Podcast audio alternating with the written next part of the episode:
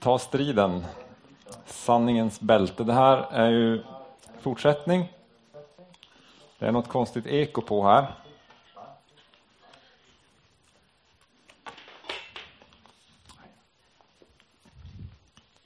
Ska vi se här. Nu är ekot borta.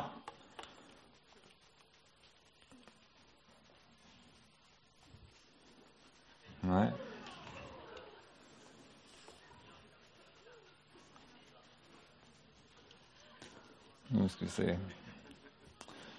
Så, nu ska vi köra igång. Igår hade vi en bra dag tycker jag.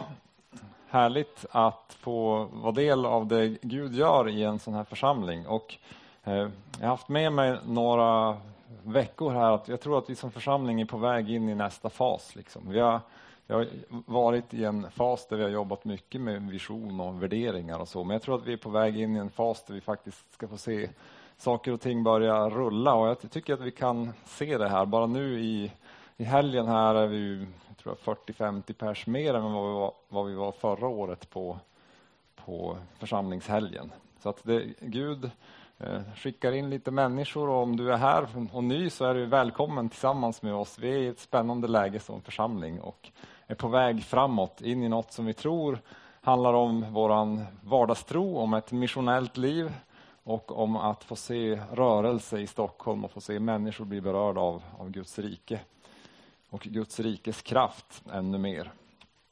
Det, var, det kändes som att gårdagen var ett, ett tilltal på, på det här området liksom med Ferro och de här olika temana som vi har. Jag har fångat vad människor säger, eller i alla fall fångat vad människor har hört. Och, och det, det, är någon, en, en, signal om att Gud kallar oss vidare att nå människor, gå över gränser och beröra nya grupper av, av människor. På ett ganska enkelt sätt. Genom vår bön och genom det, de goda nyheter som vi har. Det var en stark kväll igår också att få be tillsammans och be för varandra. Jag bad för några stycken här och jag upp, upplever att eh, det är flera av er som är unga som också bär på en stark kallelse från Gud att, att tjäna honom i, både i församlingen men också i mission framöver. Och jag tror att vi går in i en tid här nu när Gud vill förbereda och utrusta också för, för nästa steg och, och nästa fas. Så det, det, känns spännande. Jag ska tala idag om, det är fortfarande ett eko på här någonstans. Kanske någon, i någon annan mick någonstans. Ett, eh, vi ska gå in vidare in i det här med, med andlig krigföring som vi pratade om igår. Eh, alltså, vad är det vi kämpar mot? Hur yttrar det sig? Och hur, hur tar vi striden? Och igår så talade jag ju om att vi, vi liksom den offensiva striden tar vi genom bönen, låt riket komma, men också genom eh, att vi delar evangeliet med människor. Men vi ska tillbaks in i samma text här från Efesierbrevet 6 och den kommer vi att komma tillbaks till under, under det här temat. Och vi läser här bara direkt. Till sist, bli starka i Herren och i hans väldiga kraft. Ta på er hela Guds vapenrustning så att ni kan stå emot djävulens listiga angrepp. Vi kämpar inte mot kött och blod utan mot förstarna, mot makterna, mot världshärskarna här i mörkret och mot ondskans andemakter i himlarymderna. Ta därför på er hela Guds vapenrustning så att ni kan stå emot på den onda dagen och stå upprätt när ni fullgjort allt. Så det handlar väldigt mycket om att stå emot och att stå upprätt i det arbete som, som Gud har för oss. Det är fortfarande lite repetition från gårdagen. Om vi tittar på vers 12, det är det som är gulmarkerat här på, på väggen, så, så pekar Paulus på vad, vad det är vi kämpar emot. Så, och, och han, han pekar ju väldigt tydligt på att det är inte kött och blod, alltså det betyder människor. Möjligen djur. Men, men jag tror att det betyder människor i det här sammanhanget. Vi kämpar inte mot kött och blod, utan mot förstar, makter, världshärskare, ondskans andemakter i himlarymderna. Och det här är något som alltså, man kan ju undervisa säkert på lite olika sätt. Jag ska inte gå in i detalj, för jag tror inte att det är nödvändigt att vi förstår detaljer i hierarkin i den, i den onda världen.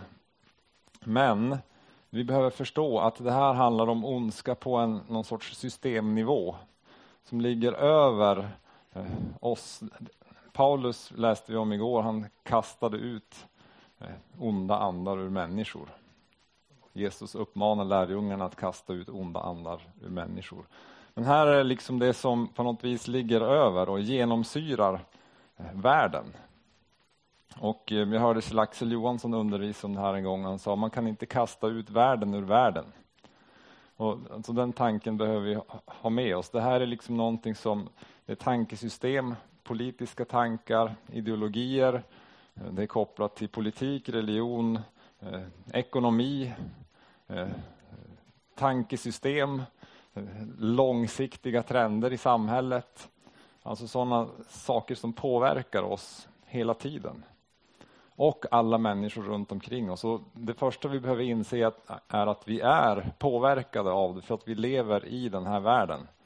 Så att det här är ju inte bara något som gäller alla andra utan det här är något som, som verkligen påverkar oss. Och Paulus pratar om det här som en, det, att det är här kampen ligger mot de makterna. Eh, och då, jag vill att du ska förstå rätt att jag, jag menar inte att politik och religion och ekonomi alltid är dåliga saker. Men väldigt ofta så influeras de eh, mer av ondskan än av Gud. Och, det är liksom den influensen från ondskan in i de här systemen som är våra motståndare och som vi behöver kämpa emot.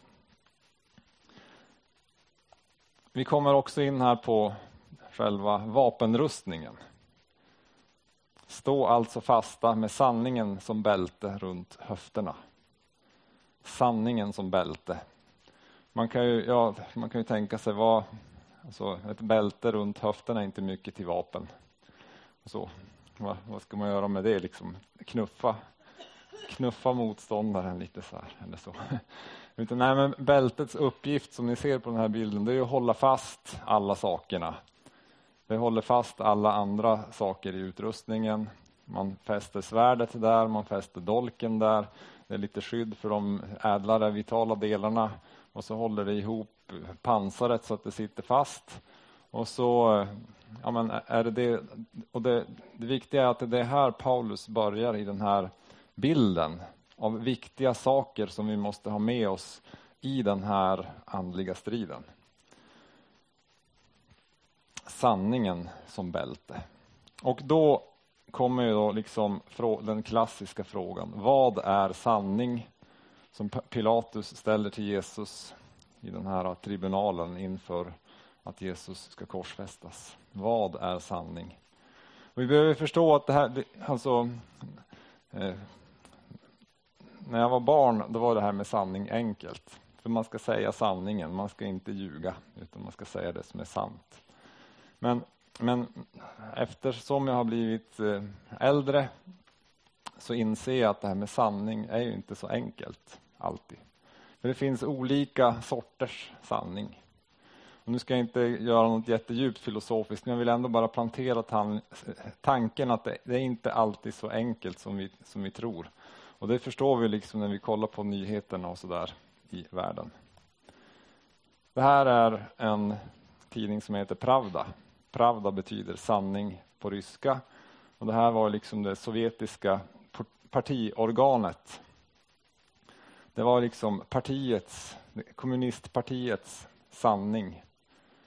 Och en av sanningarna i kommunismen var det Karl Marx sa, religion är ett opium för folket.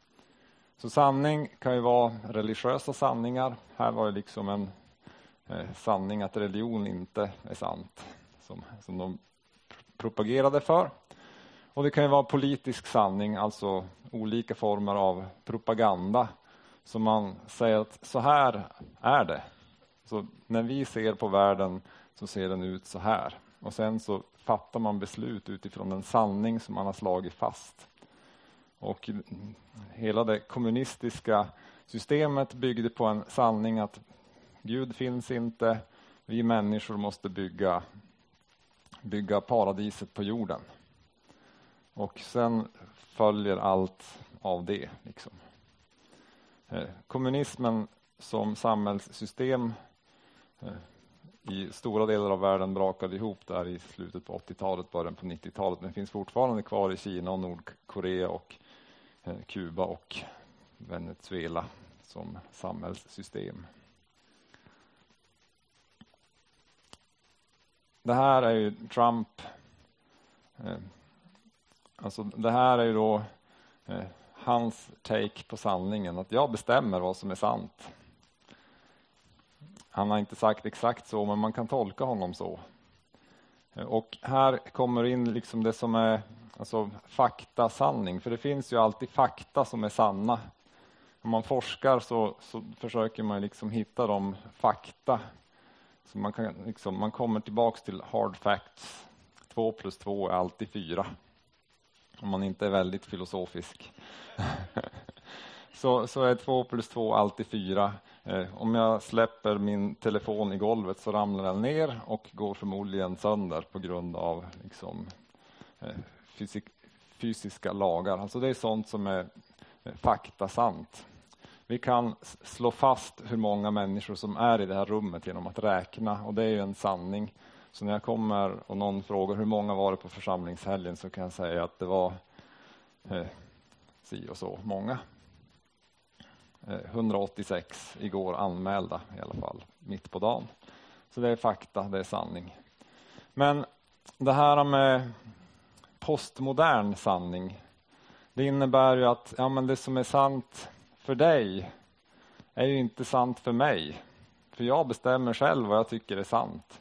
Och det är därför Donald Trump kunde säga att vi har haft den största folksamlingen någonsin liksom när någon har svurit presidenteden. Eh, när man räknar huvuden så, så stämde inte fakta, men det var hans sanning och därför så, så sa han att det är sant. Och det, det är så här fungerar sanning väldigt mycket i, i våran tid, i vårt samhälle. Och vi pratar om fake news och, och sådana saker. Och bara för att någon kommer och säger att så här är det, så betyder det inte alltid att att det är baserat på fakta, utan det kan vara baserat på politik, på religion, på ekonomi eller bara på att jag tycker att jag ser bättre ut om det är så här. Och allt det här, liksom, jag ska inte gå så djupt in i det, men det, det speglar sig i oss också. Framförallt då i sociala medier och så, där vi vill visa upp en bild av något som ju är sann för oss men beroende på vilka filter man använder, eh, vad man fotar, vad man inte fotar, så presenterar man en bild som, an, som, som vi vill att andra ska uppfatta vara sann. Fast det är inte hela sanningen och det kanske inte alltid är sant. Det kanske är min kompis bulle som jag fotar och lägger upp på Instagram och så låtsas att jag har ätit den. Liksom. Om ni fattar. Eller så. Men sen så kommer vi till det vi ska prata om idag och det är Jesus. Jesus säger jag är sanningen. Det snacka om eh, sanningsanspråk. Jag är sanningen. Jesus sa till honom, jag är vägen, sanningen och livet. Ingen kommer till Fadern utom genom mig. Har ni lärt känna mig ska ni också lära känna min far. Nu känner ni honom och har sett honom. Och Jesus är alltså den eviga sanningen, den verkliga sanningen och sanningen om hur vi får tag på Gud. Jesus är Guds sanning om sig själv. Jesus är Guds sanning till oss som vi behöver. Jesus är den verkliga sanningen. Jesus säger, jag är sanningen. Och det här är, jag känner själv att det här är lite djupt och filosofiskt. Men eh, all verklig sanning, all absolut sanning, för jag tror verkligen att det finns absoluta sanningar, pekar på, på Jesus och Jesus pekar på Gud.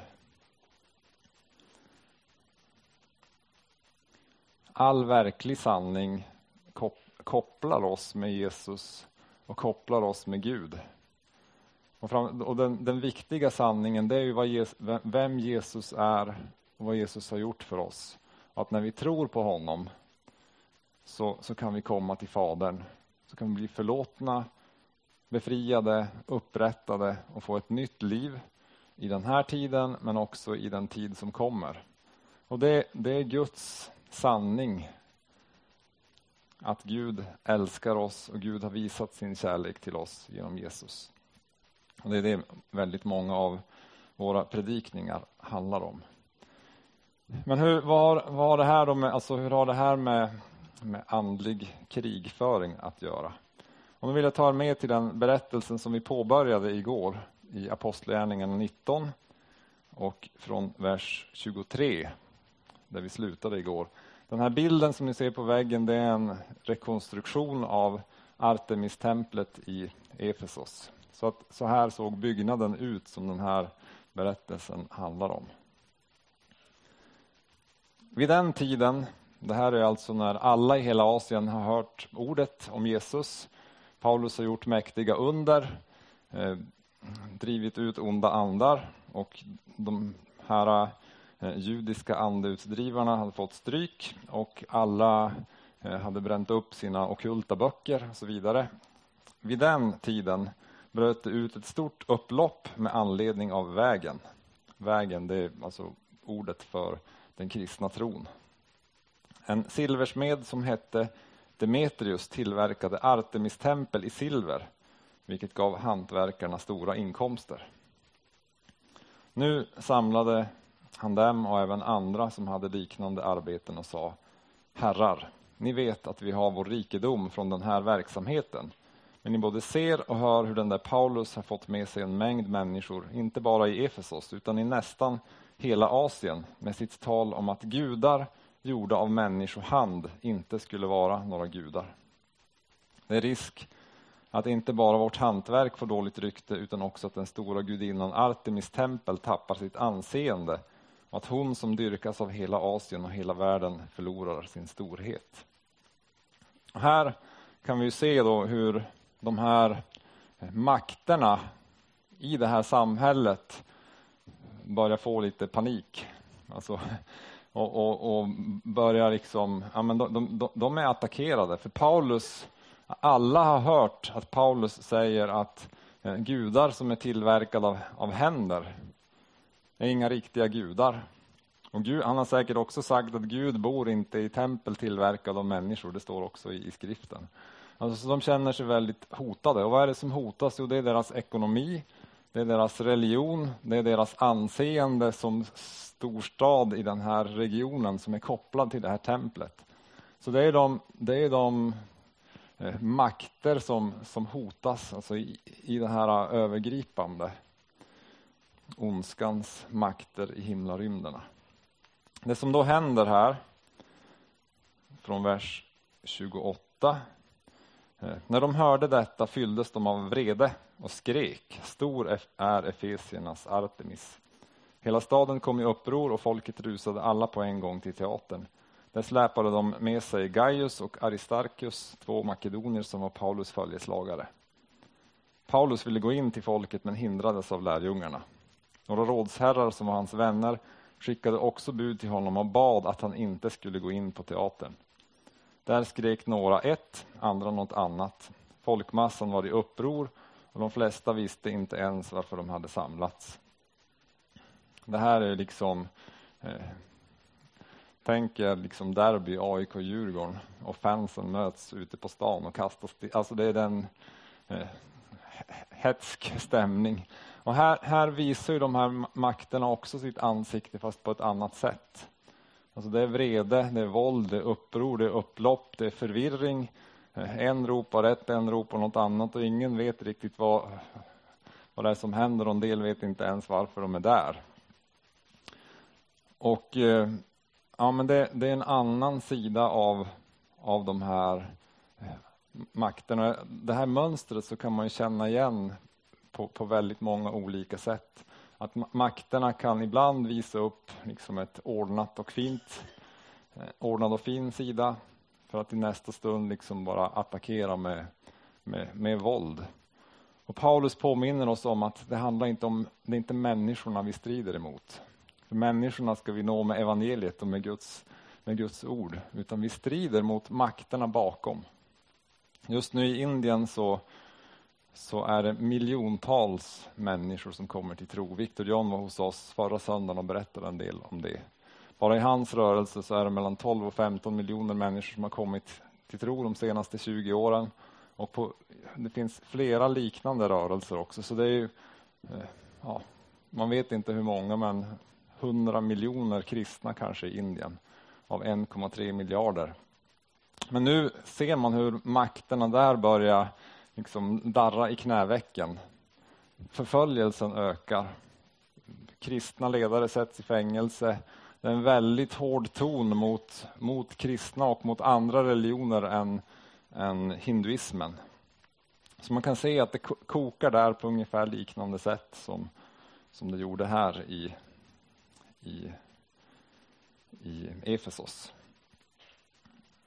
Sen bara avslutningen av den här berättelsen, Eh, vers 35. Men statssekreteraren lugnade folket och sa Efesier, finns det någon enda människa som inte vet att Efesiernas stad är vårdare av den stora Artemis tempel och hennes bild som fallit från himlen? Ingen kan förneka det och därför bör ni hålla er lugna och inte göra något förhastat. Ni har dragit hit de här männen som varken har plundrat vårt tempel eller hädat vår gudinna. Om nu Demetrius och hans hantverkare vill väcka åtal mot någon så finns det domstolar och ståthållare. Där kan de anklaga varandra och är det något mer ni vill ta upp så ska det avgöras i den lagliga folkförsamlingen. Efter det som hänt här idag riskerar vi att anklagas för uppror. Vi kan ju inte ge något skäl om vi ska stå till svars för det här kaotiska mötet. Med dessa ord upplöste han församlingen. Och sen la sig oroligheterna. Det här är också intressant, för vad är det som händer här? Jo, han statssekreteraren, han är ju representant för Rom, romarriket. Så han representerar liksom en, en högre auktoritet, en högre makt. Och han kliver in och befäster den religiösa sanning som folket här lever efter. Att alla vet ju att Artemis vördas och så vidare. Och sen så kommer han med ett hot. Det här kan gå illa om, vi inte, om ni inte lägger av, då kommer liksom Rom här och göra någonting åt det här och då får vi alla problem. Så här kommer liksom en annan makt in och skapar lugn och lägger locket på. Och det är den här maktbalansen som vi ofta ser i, i världen. Liksom. Ibland skakar det till, men sen så kommer liksom makterna in och, och, och skapar lugn. Och så går det lite fram och tillbaks så här. Men det som är intressant, och det står inte i det här kapitlet, det är vad som hände sen. Jag läste på här på vad, vad som hände med Artemistemplet. 500 år senare så är det en grushög, ett stenbrott. Eh, romarriket har upplösts. Eh, den här romerska tron på de här romerska gudarna har liksom fejdat ut för att folket har vänt om till Jesus. Och det, det är spännande att se. Och eh, vi behöver komma ihåg det att ingenting av det vi möter av motstånd är beständigt. För Jesus, han, han har vunnit seger och han vill att det ska gå till seger. På början på 90-talet så åkte vi till Kolahalvön i Ryssland och det sovjetiska systemet brakade ihop. Det var så liksom att toppnivån av de här makterna bara eh, lämnade. Så det blev eh, rätt så kaotiskt. Infrastrukturen brakade ihop och helt plötsligt så var hela folket öppna för evangelium på ett så här helt otroligt sätt så alla som hörde om Jesus ville ta emot honom. Nästan, men väldigt många i alla fall. Och Det här tror jag var ett svar på bön att människor i hela världen har bett i många år att evangeliet skulle få predikas i Sovjetunionen och i Ryssland. Sen kom ju vi in där och det var inte så att alla makter var borta utan det som var intressant var att när vi kom till olika städer så, så yttrade sig de här eh, makterna som vi kämpade emot på lite olika sätt. I en stad, Kandalaksha, där var det liksom maffia som hotade, eh, ville liksom kontrollera oss och andra och framförallt de som kom till tro. Det kom in en del villoläror från olika håll som rörde om en hel del. Och när vi var där och skulle predika så hände det jättemärkliga saker i lokalerna. Vi hade hyrt en plats och så kom vi dit och så var det 10 minusgrader inne. Eh, men vi tänkte omständigheterna får inte besegra evangeliet så vi predikade i alla fall. Jag hade täckbyxor och täckjacka och vintermössa och predikade. En annan gång, några veckor senare, så hade vi hyrt en annan lokal och då, då fanns det ingen el i hela byggnaden och ingen som visste vem man skulle ringa till. Så vi predikade med ficklampa och akustisk gitarr bara för att människor skulle få undervisning och få höra evangeliet. En annan gång så fanns det inget vatten på hotellet där vi bodde och så var det sådana saker. Så det var liksom att ja, men, någon här eh, kontrollerar tekniken. Eh, och liksom vi såg ett motstånd i det. På en tredje plats som vi kom till så, så var det strid om lokaler, är fortfarande liksom en kamp om att kunna få hyra lokaler. På en fjärde plats så, så möt, det första vi mötte var en grupp satanister som, som inte ville att vi skulle vara där. Så det blev liksom en power clash mellan en av mina kompisar och han som ledde eh, den här satanistgruppen. Men han blev överväldigad av Guds, Guds ljus och Guds kraft så han omvände sig och gav sitt liv till Jesus och blev med i församlingen. Så det var häftigt att se. Så. Så, men, men, men det är påtagligt att vi möter saker som, som vår kamp är emot. Övningen igår var intressant där vi liksom fick beskriva hur, hur vi känner och upplever det här. Eh, och mitt svar är alltihop och jag vet inte riktigt. Men, men det, vi, vi märker av det för att vi står i det. Om vi tittar på Stockholm, Sverige så är de två huvudrubrikerna på, på de här makterna och tankesystemen, individualism och sekulära värderingar. Individualism handlar om jag, att jag är min egen lyckas smed. Eh, jag behöver välja min identitet. Jag vill välja min sexualitet. Jag vill välja mitt liv för att jag är min egen Gud. Och sekulära värderingar, det handlar om att jag behöver inte Gud utan jag är min egen Gud, om man tar det väldigt, väldigt kortfattat. Hur strider vi då med sanningens bälte i de här, på de här områdena? När vi möter den här individualismen, när vi möter de sekulära, sekulära tankarna, när vi möter motstånd genom människor, men vi förstår att det är inte människorna utan det är någonting bakom dem som, som vill åt oss. Och då tror jag att det är jätteviktigt att vi börjar hos Jesus. Jesus säger, om ni förblir i mitt ord är ni verkligen mina lärjungar. Ni ska lära känna sanningen och sanningen ska göra er fria. Och Jesus, sanningen, den verkliga sanningen, gör oss fria. Och om man läser hela sammanhanget i kapitel 8 i Johannes evangeliet så är det frihet från synden. Alltså vi blir fria från, från synden, vi blir fria från det alltså grundfästet i oss som ondskan vill liksom haka fast i så att ondskan kan kontrollera oss som en marionett ungefär. Så det är det som vi blir fria ifrån. Så vi blir fria från att behöva lyda de här makterna i ondskan i världen på systemnivå så att vi kan vara fria att följa Jesus, fria att följa Kristus. Det andra är att vi kan börja urskilja lögnerna i kulturen och hålla oss till sanningen. Eh, för er i min ålder så är Listen to your heart med Roxette en låt som vi känner igen. Och att lyssna till sitt hjärta är ju ett budskap som kommer igen i filmer och låtar och på jättemånga olika sätt. Och det är ju livsfarligt. För det beror ju alldeles på vad jag har fyllt mitt hjärta med. Om det är fyllt av individualism och sekulära värderingar så, så kan det ju leda mig precis var som helst. Om det är fyllt med Jesus så kan det vara en bra idé, för då kan Jesus leda oss rätt. Eh, Dumbo här får också representera det här med att vara sin egen lyckas smed.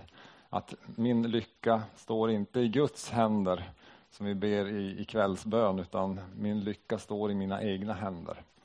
Alltså att jag själv måste se till att jag blir lycklig och lyckas i livet. Det här behöver vi avslöja och se och inte leva under. Det finns förstås väldigt många lager och saker i kulturen som vi behöver se.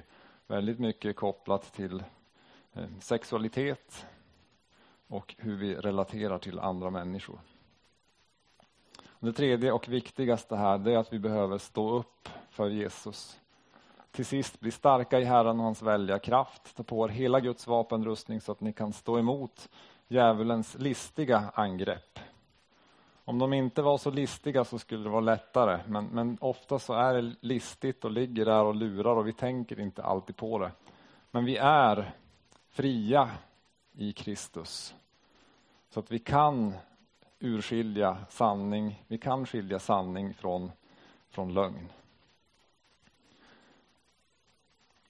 Petrus och Johannes säger inför Stora rådet, inför de religiösa makterna, i, när de blir tillsagda att hålla tyst, så säger de, vi för vår del kan inte hålla tyst med vad vi har sett och hört. Att stå upp för Jesus, stå upp för vad Jesus har gjort i våra liv, det är liksom att, att använda sanningens bälte. Att, att låta sanningen omsluta mitt liv. Att våga stå för det som är sant, att våga stå för Jesus. Våga stå för vad Jesus har gjort i mitt liv. Och här kommer man in på det liksom på arbetsplatsen, i skolan. När du möter dina grannar att när du, när du får frågan eller när saker och ting liksom uttalas, att, att kunna våga stå för sanningen. Självklart full, full av nåd och kärlek, men lika fullt att våga säga det som är sant. Att Jesus älskar mig, Jesus älskar dig, Jesus har gjort något i mitt liv som jag gärna vill berätta för dig om.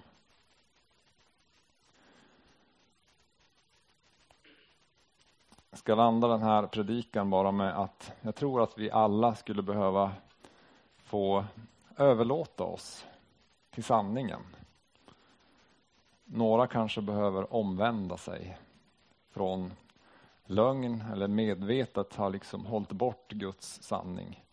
Men jag tror att vi alla skulle vilja, inte vilja, men alla skulle behöva överlåta oss till sanningen och på, på det sättet tillsammans som församling, nu tar vi på oss sanningens bälte i vapenrustningen.